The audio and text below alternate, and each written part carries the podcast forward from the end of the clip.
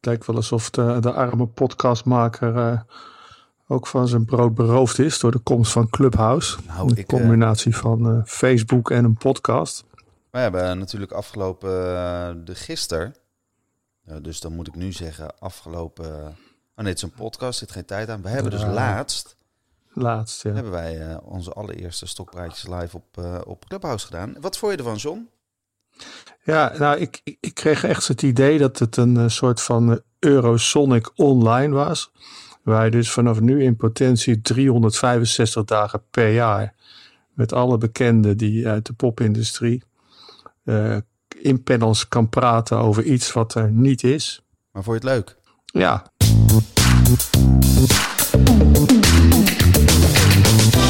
Welkom bij Stoppraatjes, de podcast over de live muziekindustrie.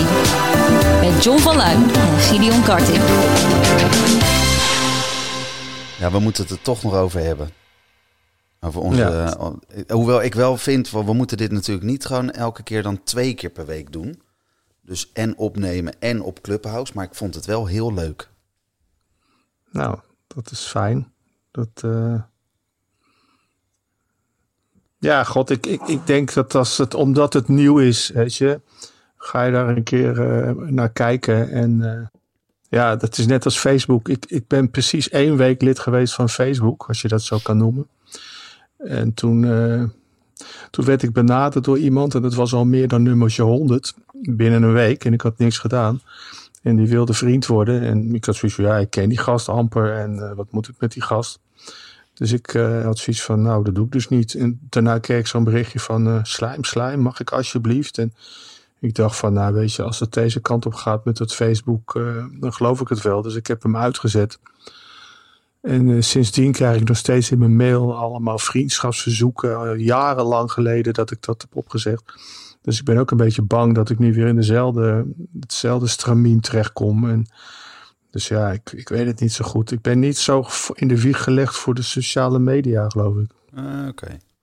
Nou, ik had het idee dat we. Um, dat ik, ik vond zelf het, het interactieve wel leuk. Dus dat ja, nee, mensen nee, natuurlijk. Natuurlijk, de... maar ik vond het ook echt, echt leuk om even Arnold te horen en Marco en, en Nick Tim. en Junior.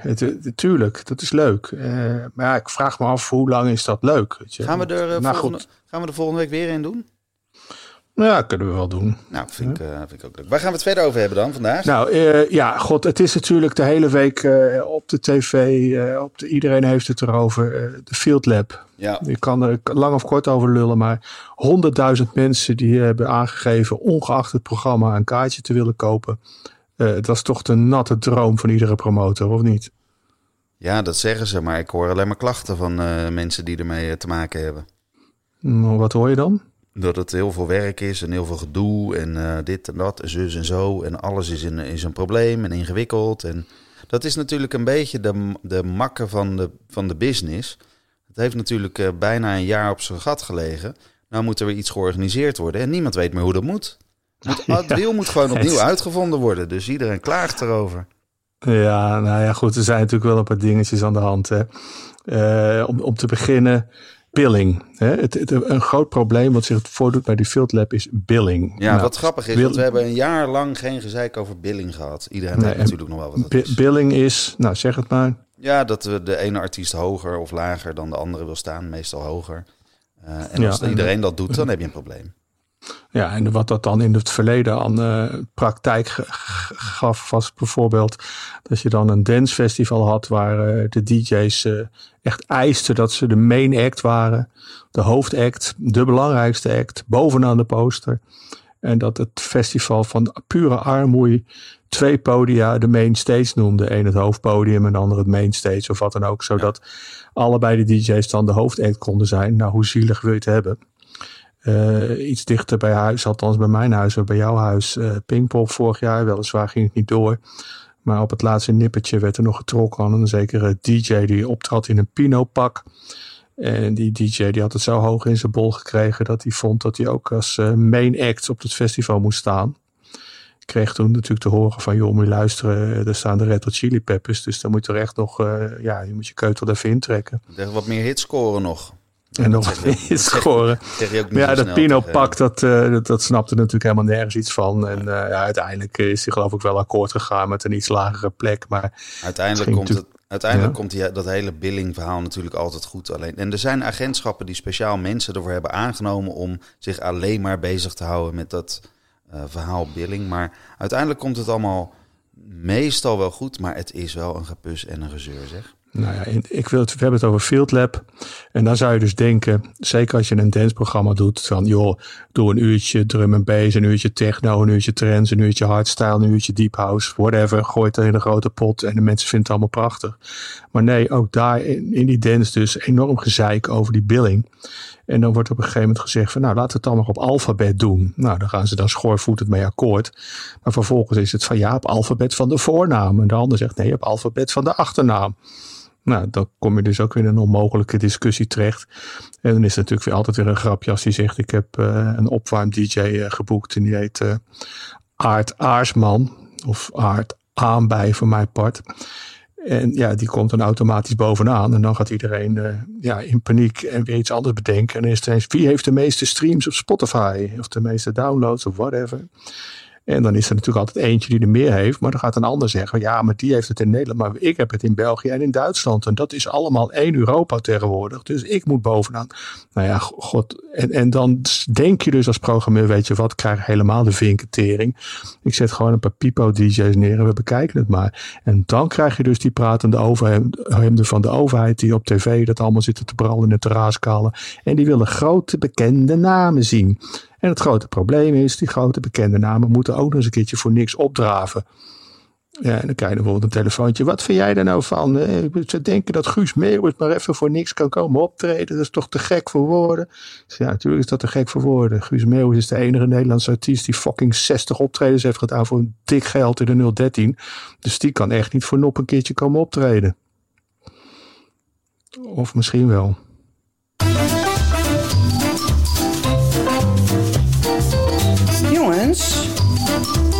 Zit er nog wat in de platenkast?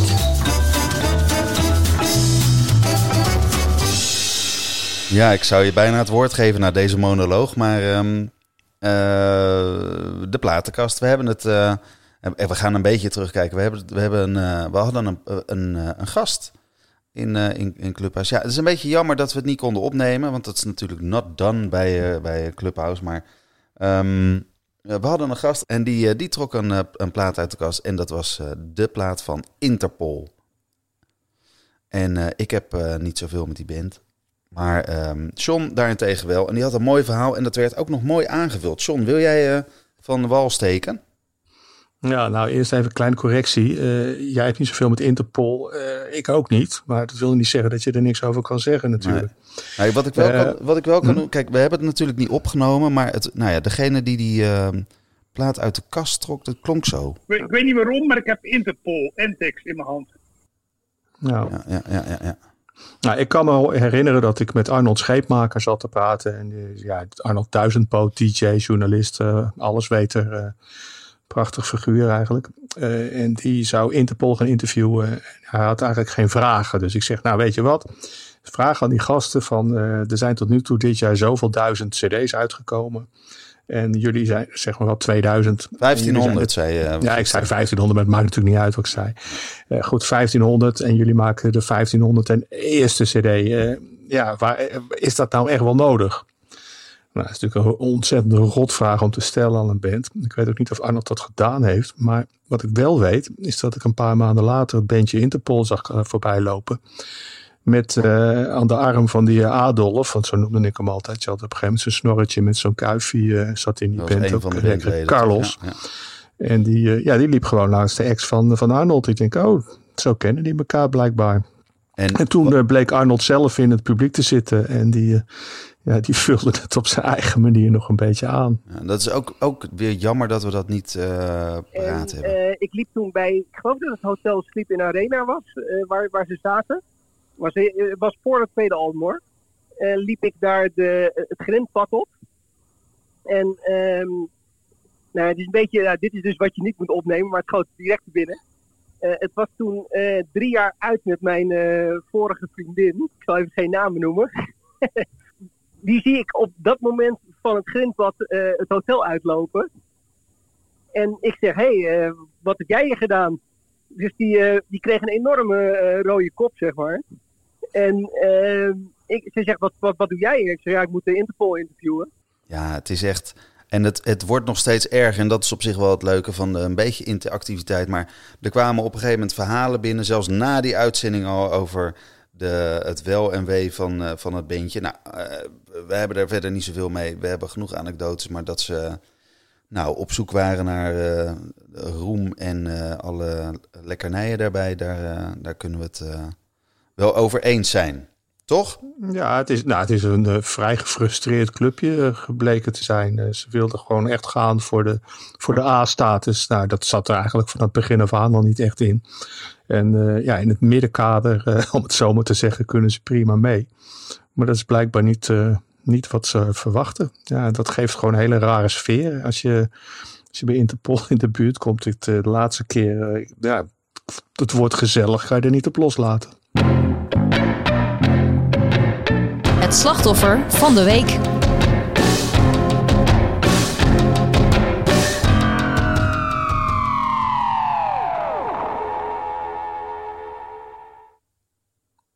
Het ontgaat me eigenlijk een beetje waarom nu, maar het is, eh, het is al eerder gebeurd. Maar ook de afgelopen week eh, bleef het maar komen en gaan met anekdotes, documentaires, verhalen en alles over eh, ja, hoe erg het toch allemaal wel niet is met Britney Spears. En eh, ja, wat een drama dat eigenlijk is. En, Ik heb, eh, heb je hem gekeken? nee, Ja, ik heb hem gezien, maar ik ben er maar mee gestopt. Joh. Ik vond er geen klap aan. zijn bak triestigheid is het toch? het is gewoon het standaard verhaal van een artiest die eh, een beetje doordraait. En dan komt er een documentaire en dan zou je zien dat er binnenkort een album uitkomt. En dan is er weer helemaal je van het en dan is het allemaal weer goed. En dan willen we Ja. allemaal weer kaartjes kopen. Want Britney Spears is nou niet echt iemand die heel veel kaarten in Nederland verkocht. Maar dat Nou zal dat ongetwijfeld nu veranderen. Ja, misschien zijn er honderdduizend mensen die ongeacht wat ze gaat doen al een kaartje willen kopen. Ja, ja nou, Ik weet wel dat onze vriend eh, eh, Maurice, die was toen een keer, volgens mij was, ik heb altijd in mijn hoofd zitten dat dat een optreden van Britney Spears in Ahoy was. Ik weet niet waarom ik dat denk, maar volgens mij was het ook zo. En eh, Maurice die ging er met zijn nichtje naartoe. En die komt natuurlijk via de backstage ingang binnen. En krijgt daar van de productiemedewerker een paar fraaie stickers. Eh, en die plakt hij op zijn borst. En vervolgens gaat hij in de, in de VIP-lounge staan wachten op de show. Haalt wat te drinken voor zijn nichtje. Pakt zelf een biertje. En wordt op een gegeven moment eh, door twee van die grote jongens aangesproken. Die duidelijk van de security van Britney waren. En die vroeg aan hem van, eh, are you working? En eh, Maurice die kijkt echt zo op van, eh, eh, nee. Eh, nou, meekomen. Dus eh, Maurice wordt dus met twee van die mannen wordt uit het VIP-vak gehaald. eh, wordt bij de lokale productie neergezet als, eh, ja, deze gast, die moet eruit. En Maurice toch van, ja, nee, maar ik, I'm working for the organization. En nou ja, goed, smoesjes en alles. Maar dat mocht niet meer baten. En wat bleek nou? Britney Spears, die was van de rehab in de detox, of hoe het ook allemaal heten mag. die, die mocht niet, niks drinken. En iedereen die voor haar werkte, die mocht ook niks drinken. En dat mocht ze vooral niet zien. Dus daar was eh, Maurice dan eh, ongewild het eh, slachtoffertje van. Nou, dat is een beetje hetzelfde als Morrissey, die, die geen vlees in zijn, in zijn buurt eh duldt. Ja. En, en Interpol die juist vlees in zijn buurt wil. Nou, ja, zo zijn er een heleboel varianten op, het, op dit vreselijke virus. Ja, ja. Hey, over virussen gesproken. We hadden vorige week hadden wij een mysterie. We hebben dat eh leuk eh, met een muziekje omlijst en eh, het mysterie van de muziekindustrie genoemd. We Oh. hadden namelijk de, het grote vraagstuk over Muse en de gouden platen die uit de kleedkamer van Muse waren gepikt op Pinkpop. En de vraag was welke band was dat? Nou, we hebben uitvoerig onderzoek gedaan. Wie heb jij allemaal gebeld? Nou, laat ik het kort houden. Ik, we, hebben wat, eh, we hebben Beef Direct, DFP in de Beatbusters, eh, wat Belgische bandjes. En die hadden we eigenlijk allemaal al nagelopen in de tijd. En het is veilig te stellen dat zeker na, na gisteren, waar toch behoorlijk wat kennis in het publiek zaten en erover na konden denken en ook van het verhaal wisten.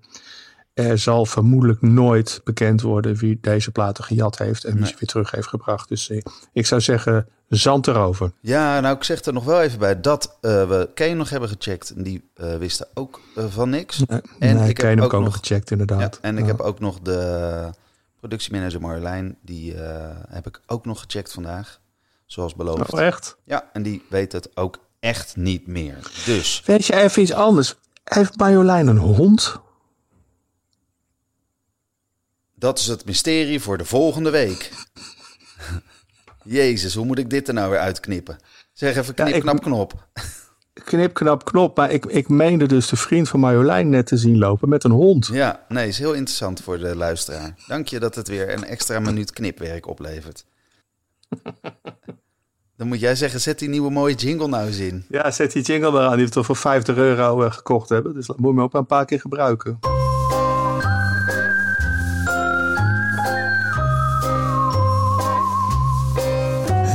Het mysterie van de muziekindustrie. Oh John, ik ben zo benieuwd. Vertel, vertel. Wat ga je Ja, het is een, verhaal, een heel oud verhaal. Dus er zijn alleen maar hele oude luisteraars die dit zouden kunnen weten. Eh, in de tijd dat eh, Bowie eh, eh, continu van gedaante wisselde, eh, kreeg je op een gegeven moment ook te maken met een artiest en die luisterde naar de naam Joe Bryant. En dat was ook ja, een beetje zo'n, eh, noem je dat, eh, man-vrouw androgyn eh, type.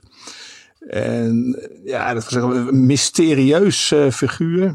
En eh, ja, dat werd dus aan Bowie gelinkt of niet. En in die slipstream zijn er toen een paar journalisten, of misschien één, dat weet ik dus eigenlijk niet, op het idee gekomen van, nou ja, het is allemaal zoveel marketing en imago. eh, laten we het zo doen. We gaan zeggen dat we in Amerika iemand hebben zien optreden. Dat er een enorm platencontract is aan vast komen te knoop, hangen. Eh, ja, dat iedereen helemaal, dat alles bust rondom die artiest. Eh, er werd, meen ik, zelfs een concert aangekondigd. Eh, het publiek wilde daar ook kaarten verkopen. We hebben het over de jaren zeventig, dus dat is echt nog allemaal eh, old school mediawerk. En ja, die hele artiest die, die bleek gewoon niet te bestaan. En het heeft toch maanden geduurd voordat, eh, voordat het een beetje doorkwam. En er is dus maanden gewerkt aan een hype van een artiest in de Nederlandse media die gewoon, ja, die, die gewoon niet bestond. Bizar. Ik ben die naam van die artiest gewoon compleet vergeten. Ik heb het een beetje zitten googelen en dat, eh, ja, dat popt ook niet meer op. Eh, ik meen dat eh, Peter van Brugge de aanstichter was, maar ook dat weet ik niet zeker. Dus ja, mochten er mensen zijn die iets meer van dit, dit rare verhaal weten en daar ongetwijfeld dan ook wat sappige anekdotes bij kunnen vertellen. wij houden ons dus meer dan aanbevolen. Nou, ja, en laten we wij even eh, ver- ver- veranderen in jij. Want volgens mij was dat Ben Jerome. Je hebt gelijk. Het is opgelost. Wat goed man.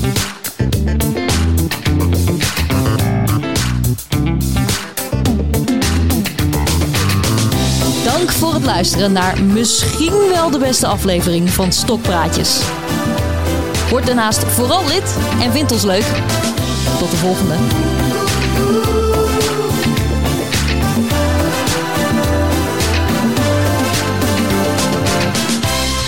Hey, Gideon, Ja.